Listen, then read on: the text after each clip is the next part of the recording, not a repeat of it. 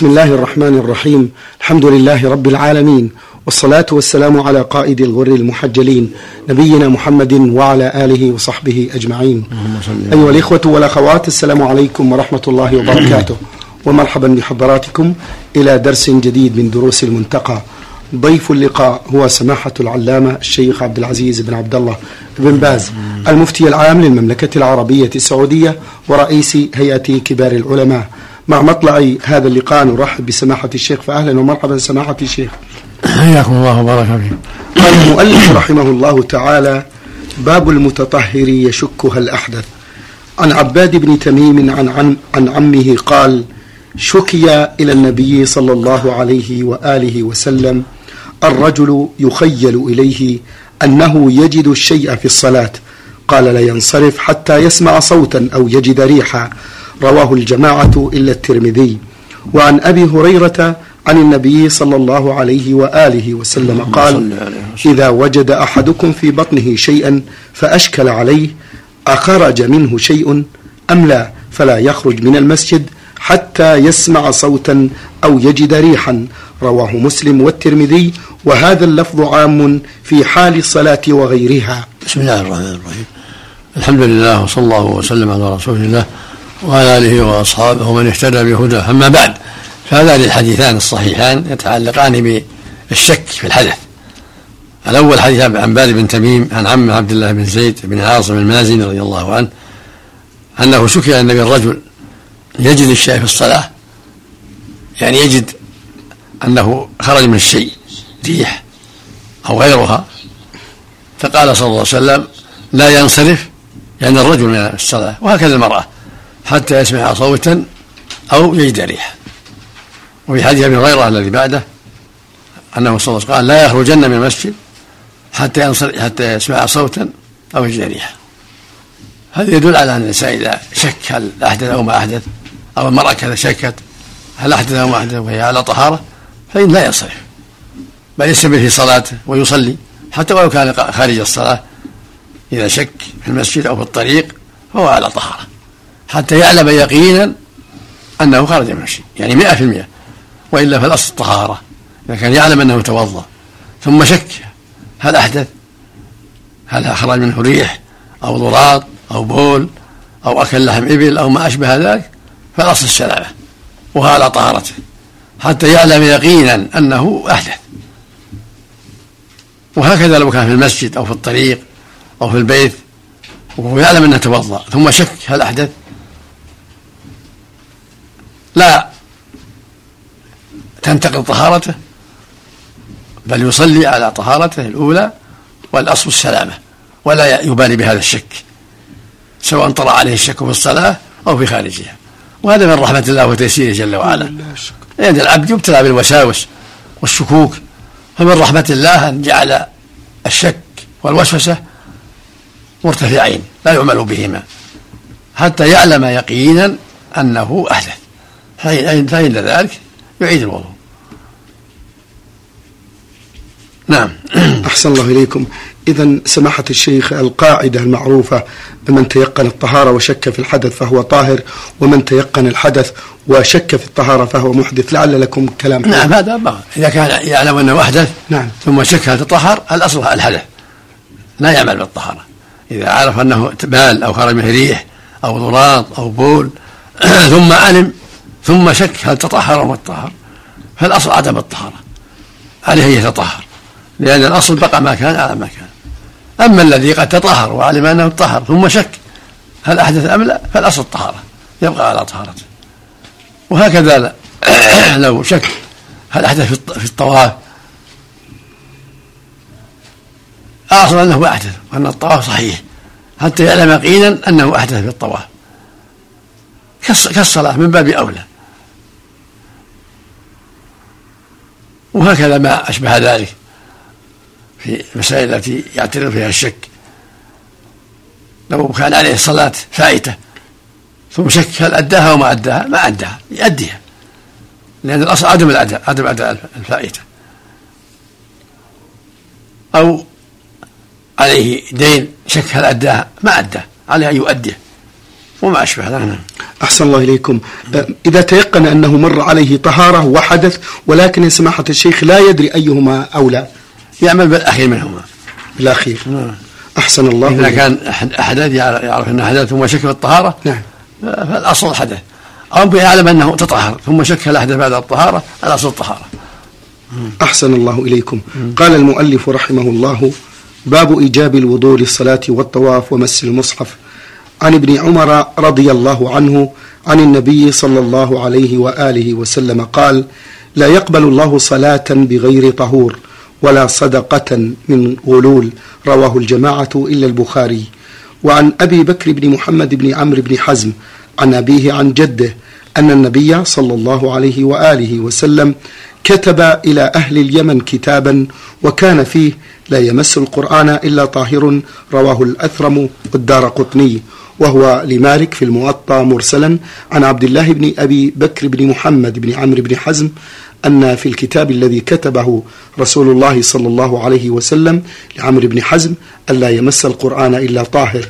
وقال الأثرم واحتج أبو عبد الله يعني أحمد بحديث ابن عمر لا تمس المصحف إلا على طهارة وعن طاووس عن رجل قد أدرك النبي صلى الله عليه وسلم أن النبي صلى الله عليه وسلم قال إنما الطواف بالبيت صلاة فإذا طفتم فأقلوا الكلام رواه أحمد والنسائي. الطهارة مش شرط للصلاة وللطواف لأن الصلاة ولمس المصحف لقوله صلى الله عليه وسلم لا تقبل صلاة بغير طهور.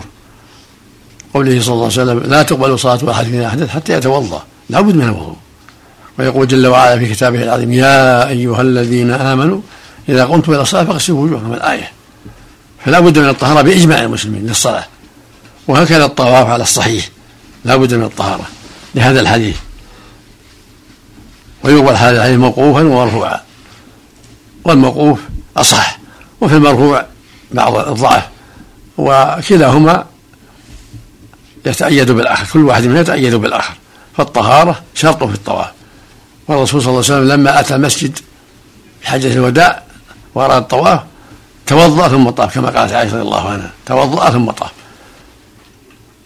فالواجب على من أراد الطواف أن يتوضأ وأن يطوف على طهارة ولا يمس القرآن إلا على طهارة. نعم. ما هو الغلول سماحة الشيخ؟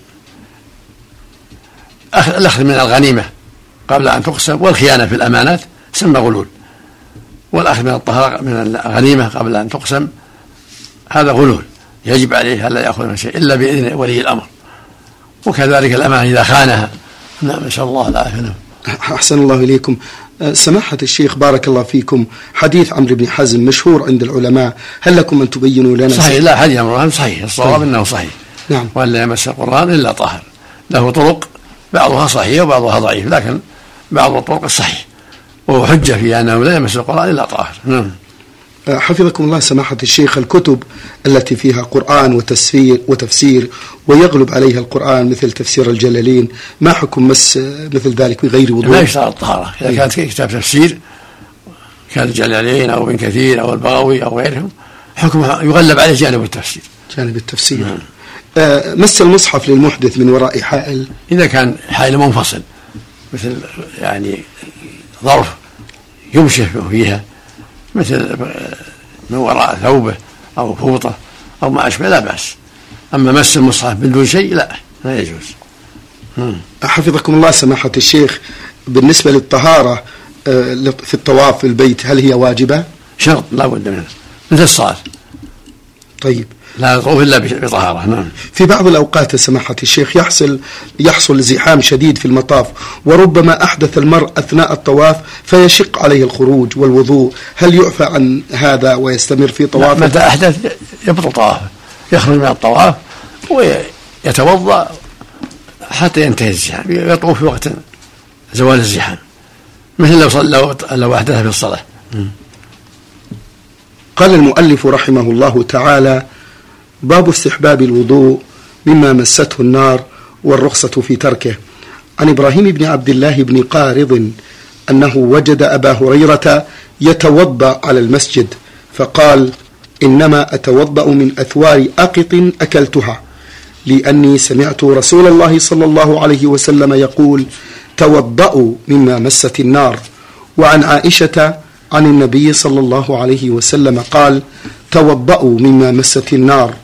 وعن زيد بن ثابت عن النبي صلى الله عليه وسلم مثله رواهن أحمد ومسلم والنسائي. وعن ميمونة قالت أكل النبي صلى الله عليه وسلم من كتف شاة ثم قام فصلى ولم يتوضأ.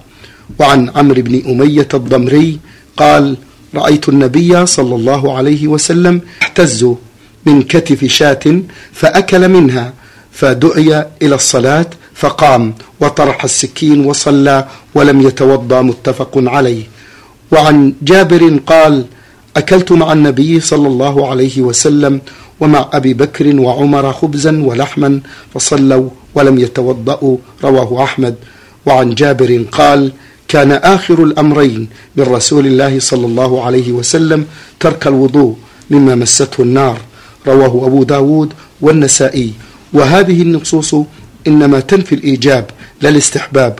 ولهذا قال للذي سأله أنا توضأ باللحوم الغنم إن شئت فتوضأ وإن شئت فلا تتوضأ.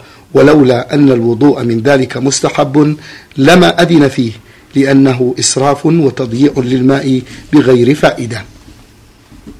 وهذه هذه الأحاديث كلها تدل على شرعية الوضوء من مسة النار. وأنها غير واجبة أن الوضوء غير واجب. ولهذا ثبت عنه صلى الله عليه وسلم أنه أكل ما مسته النار ثم توضأ ثم صلى ولم يتوضأ. فدل ذلك على أن الوضوء ليس بواجب. وقال جماعة إنه منسوخ وأن الرسول أمر بذلك وأوجب ذلك مما مست النار ثم نسخ ذلك لأنه أكل بعد ذلك مما مست النار ولم يتوضأ. وقال جابر كان آخر الأمر من رسول الله ترك الوضوء بمسة النار. قالوا هذا يدعى النسخ. والصواب أن ليس المنسوخ بل هو مستحب. إن شاء فعل وإن شاء ترك. ولهذا أكل صلى الله عليه وسلم ثم قام وصلى ولم يتوضأ. واحتز لحما ولم يتوضأ صلى ولم يتوضأ. فدل ذلك على أن الله فيه سعة. والحمد لله. إن توضأ فلا بأس وإن لم يتوضأ فلا بأس. ويدل على ذلك قوله فيما رواه مسلم في صحيحه عن جابر بن سمره أن رجل قال يا رسول الله أنا اتوضا من لحوم الغنم؟ قال إن شئت. قال أنا توضأ من الإبل؟ قال نعم. قل إن شئت يدل على أنه إذا توضأ فلا بأس وأن هذا فيه فضل وإلا كان عبثا فدل على أنه إذا توضأ من لحوم الغنم فذلك فيه فضل وإن لم يتوضأ فلا حرج. أما الإبل فيلزم الوضوء لأن لحمها ينقض الوضوء فإذا أكل لحم إبل وجب عليه الوضوء. أما لحم الغنم والبقر والصيد فلا وضوء فيه إذا صلى ولم يتوضأ فلا حرج. نعم. إذا سماحة الشيخ حفظكم الله القائلون بعدم وجوب الوضوء من لحوم الإبل. هل هم يستدلون بحديث جابر كان آخر الأمرين؟ يتعلق بحديث جابر وغيره. من أن هذا ملحق بمسة مسة النار. ولكن الصواب أن لحم الإبل خاص له أمر خاص. أنا أمر به النبي صلى الله عليه وسلم خاص توضأ من لحوم الإبل خاصة. نعم. ما الحالات التي يستحب الوضوء من أجلها؟ إذا مست النار أو شك. هل هل هو حب يتوضأ؟ فلا بأس. ولكن ما يلزم. لا يلزمه من ذلك. وكذلك لو قام لو كان عنده كسل وضعف توضأ هذه ينشط. ويكون تكرر الوضوء فيه أجر. للنشاط أو للشك أو ما أشبه ذلك. نعم. أحسن الله إليكم. قال المؤلف رحمه الله تعالى باب فضل الوضوء لكل صلاة. عن أبي هريرة رضي الله عنه عن النبي صلى الله عليه وسلم قال لولا أن أشق على أمتي لأمرتهم عند كل صلاة بوضوء ومع كل وضوء بسواك رواه أحمد بإسناد صحيح. وعن أنس رضي الله عنه قال كان رسول الله صلى الله عليه وسلم يتوضأ عند كل صلاة. قيل له فأنتم كيف تصنعون؟ قال كنا نصلي الصلوات بوضوء بوضوء واحد ما لم نحدث رواه الجماعة إلا مسلم. وعن عبد الله بن حنظلة أن النبي صلى الله عليه وسلم كان أمر بالوضوء لكل صلاة طاهرا كان أو غير طاهر فلما شق ذلك عليه أمر بالسواك عند كل صلاة ووضع عنه الوضوء إلا من حدث وكان عبد الله بن عمر يرى أن به قوة على ذلك كان يفعله حتى مات رواه أحمد وأبو داود. وروى أبو داود والترمذي بإسناد ضعيف عن ابن عمر أن النبي صلى الله عليه وسلم قال من توضأ على طهر كتب الله له به عشر حسنات. هذه الأحاديث تدل على أن الوضوء لكل صلاة أفضل ولكن لا يلزم. ولهذا كان صلى الله عليه وسلم يتوضا لكل صلاة ثم ترك ذلك وصار يكفي الوضوء لعدة صلوات. وصلى يوم الفتح يوم صلى عدة صلوات كلها بوضوء واحد. فسأله عمر عن ذلك فقال عمدا فعلت. ليعلم الناس أنه يجي الوضوء الواحد لعدة صلوات. من توضأ لكل صلاة فهو أفضل وأنشط ومن بقي على طهارته وصلى عده صلوات بوضوء فلا بأس. لو توضأ للظهر ثم جاء العصر وهو على طهارة صلى به العصر أو جاء المغرب وهو على طهارة صلى به المغرب لا بأس. الأمر واسع والحمد لله لكن إذا توضأ لكل صلاة كان أفضل للنشاط والقوة وفضل الوضوء. أما حديث من توضأ على طهر فله عشر حسنات كتب الله له حسنات فهذا حديث ضعيف. لكن الاستحباب مأخوذ من غير هذا. إن توضأ على طهارة فهو أفضل وإلا فالأمر واسع الحمد لله إذا جمع صلى صلوات عديدة بوضوء واحد لم يحدث فالأمر واسع. وقد فعله النبي صلى الله عليه وسلم لبيان التوسعه على امته وعدم المشقه فلا يعيد الوضوء إلا لمصلحة؟ أما يكون يتوضأ ثم يعيد الوضوء لا غير مشروع. لكن لو أعاد عند وقت آخر أو عند وجود كسل أو نعاس فهذا أمر مطلوب. نعم.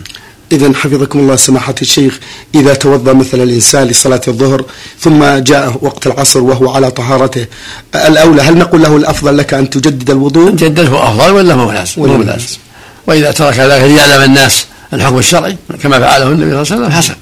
نعم. الحديث الأخير سماحة الشيخ قال عنه المؤلف بإسناد ضعيف. نعم هذا تقدم منه ضعيف.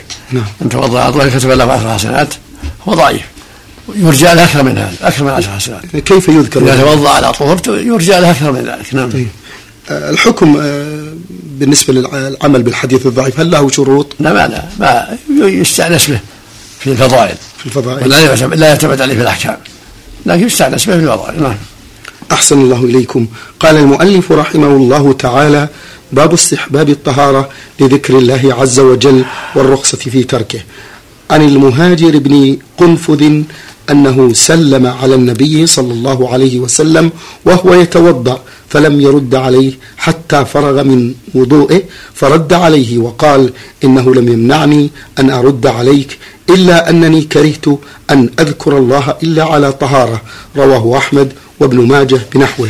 وعن أبي جهيم بن الحارث قال أقبل النبي صلى الله عليه وسلم من نحو بئر جمل من نحو بئر جمل فلقيه رجل فسلم عليه فلم يرد عليه النبي صلى الله عليه وسلم حتى أقبل على الجدار فمسح بوجهه ويديه ثم رد عليه السلام متفق عليه.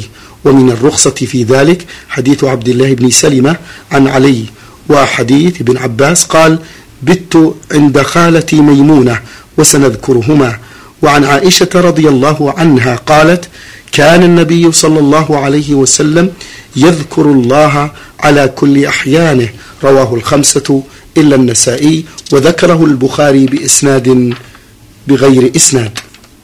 وهذه الحاجة تدل على أن الأفضل إذا تيسر ذكر الله على طهارة أفضل كما فعله النبي صلى الله عليه وسلم.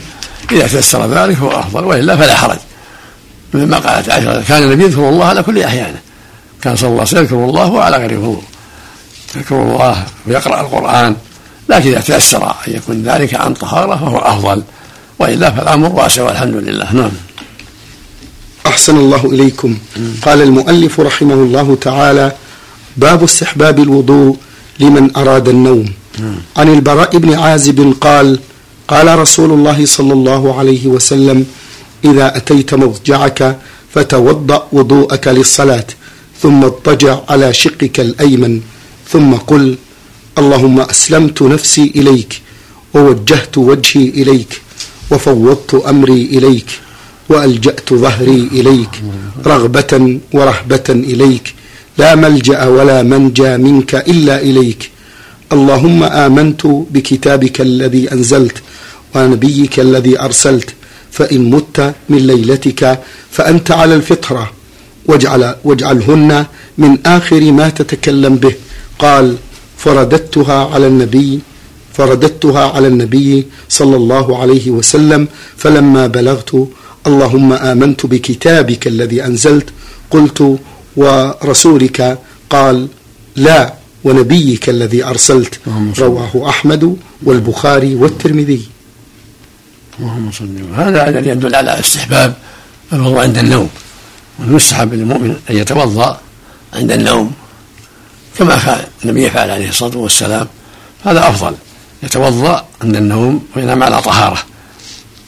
هذا هو الأفضل وإن لم يفعل فلا حرج لكن هذا هو الأفضل.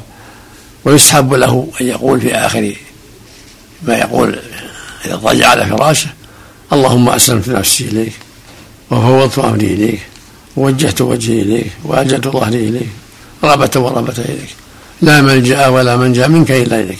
آمنت بكتابك الذي أنزلت ونبيك الذي أرسلت. يأتي بهذا اللفظ. ويقول اللهم باسمك أحيا وأموت وعلى جنبه الأيمن أفضل. ويقول اللهم باسمك أحيا وأموت اللهم باسمك أموت وأحيا. اللهم اسمك ربي وضعت جنبي وبك أرفعه. إن أمسكت نفسي فارحمها. وإن أرسلتها فاحفظها. بما تحفظ به عبادك الصالحين. ويستحب له يسبح الله ويكبر الله ويحمده ثلاثة وثلاثين. ثم يقول ثلاثمائة الله أكبر. فيكون التسبيح ثلاثة وثلاثين والتحميد ثلاثة وثلاثين والتكبير أربعة وثلاثين عند النوم هذا هو الأفضل. ويأتي بآية الكرسي عند النوم أفضل. ويقرأ قل الله المعوذتين عند النوم ثلاث مرات أفضل. كل هذا سنة عند النوم. ولكن يكون آخر ما يقول بل أو آخر ما يقول اللهم أسلمت نفسي إليك وفوضت أمري إليك ووجهت وجهي إليك وألجأت ظهري إليك رغبة ورهبة إليك. لا ملجأ ولا منجا منك إلا إليك. آمنت بكتابك الذي أنزلت وبنبيك الذي أرسلت. لما قال البراء رسولك الذي أرسلت قال نقول نبيك لأن الرسول ما يقال الرسول الذي أرسل. الرسول رسول لكن يقال نبيك الذي أرسل. النبي قد يكون رسول وقد يكون غير رسول. فلهذا نبه قال قل نبيك الذي أرسل. صلى عليه وسلم. اللهم صل وسلم. أه، سماحة الشيخ بعض العامة قد لا يحفظ مثل هذه الأحاديث فبماذا يقتصر عليه؟ الأفضل يتعلم هذا لكن الحمد لله فاتقوا الله ما يفعل ما حفظ. إذا تيسر يحفظ هذا كله يتوضأ عند قراءة النوم ويقول اللهم باسمك أموت وأحيا اللهم اسمك ربي وضعت جنبي وبك أرفعه. إن أمسكت نفسي فارحمها وإن أرسلتها فاحفظها. بما تحفظ بعبادك الصالحين؟ ويسبح الله ويحمده. ثلاثة وثلاثين ويكبر أربعة وثلاثين هذه مئة. ويقرأ آية الكرسي الله لا إله إلا هو الحي القيوم. كلها بحمد الله ميسرة. ويقرأ قل هو الله والمعوذتين ثلاث مرات عند النوم ويكون على جنبه الأيمن أفضل أول ما يرجع أول ما يضطجع ويختم ذلك بقوله اللهم أسلمت نفسي إليك وفوضت أمري إليك وجهت وجهي إليك وألجأت ظهري إليك. رهبة ورهبة إليك لا ملجأ ولا منجا منك إلا إليك. آمنت بكتابك الذي أنزلت ونبيك الذي أرسلت. وإذا لم يحفظ إلا بعضها الحمد لله. أتى بما يحفظ والحمد لله. كلها مستحبة من بلازمة يأتي ما تيسر والحمد لله. أحسن الله إليكم. باب تأكيد ذلك للجنب واستحباب الوضوء له لأجل الأكل والشرب والمعاودة. عن ابن عمر رضي الله عنهما أن عمر قال يا رسول الله أينام أحدنا وهو جنب؟ قال نعم إذا توضأ. وعن عائشة قالت كان النبي صلى الله عليه وسلم إذا أراد أن ينام وهو جنب غسل فرجه وتوضأ وضوءه للصلاة. رواهما الجماعة. ولأحمد ومسلم عنها قالت كان النبي صلى الله عليه وسلم إذا كان جنبا فأراد أن يأكل أو ينام توضأ وضوءه للصلاة. وعن عمار بن ياسر رضي الله عنه أن النبي صلى الله عليه وسلم رخص للجنب إذا أراد أن يأكل أو يشرب أو ينام أن يتوضأ وضوءه للصلاة. رواه أحمد والترمذي وصححه. وعن أبي سعيد عن النبي صلى الله عليه وسلم قال إذا أتى أحدكم أهله ثم أراد أن يعود فليتوضأ. رواه الجماعة إلا البخاري. وهذا أيضا هذه الأحاديث كلها تدعو إلى استحباب الوضوء. للجنوب إذا أراد أن ينام. استحب له أن يتوضأ قبل أن ينام كما كان النبي عليه الصلاة والسلام وقال لعمر كذلك توضأ ثم نم. فالسنة للوجوب أن يتوضأ ثم ينام. يعني يغسل فرجه ويتوضأ وضوء الصلاة إذا لم يغتسل. إذا أحب يؤخر الغسل إلى آخر الليل لا بأس. فيتوضأ يغسل فرجه ويتوضأ وضوءه هذا هو الأفضل عند نومه. وهكذا إذا أراد أن يأكل يستحب أن يتوضأ قبل أن يأكل. وهكذا إذا أراد يعاود الوطن. إذا جامع زوجته ثم أراد يعاود يستحب له أن يتوضأ بينهما وضوءا. هذا هو السنة. أما رواية عمار أو يشرب فالزيادة أو يشرب فيها ضعف لأن رواية عمار فيها انقطاع. وإنما المحفوظ النوم والأكل. إذا أراد أن ينام أو يأكل استحب له الوضوء. أما الشرب فأعرض الإنسان كثيرا فلا يتعلق بالوضوء لأن أمر الشرب خفيف. لكن إذا أراد أن يأكل أو ينام استحب له الوضوء. نعم. أحسن الله إليكم. قال المؤلف رحمه الله تعالى باب جواز ترك ذلك. عن عائشة رضي الله عنها قالت كان النبي صلى الله عليه وسلم إذا أراد أن يأكل أو يشرب أو ينام وهو جنب يغسل يديه ثم يأكل ويشرب رواه أحمد والنسائي. وعنها أيضا قالت كان النبي صلى الله عليه وآله وسلم إذا كان له حاجة إلى أهله أتاهم ثم يعود ولا يمس ماء رواه أحمد ولأبي داود والترمذي عنها كان رسول الله صلى الله عليه وسلم ينام وهو جنب ولا يمس ماء.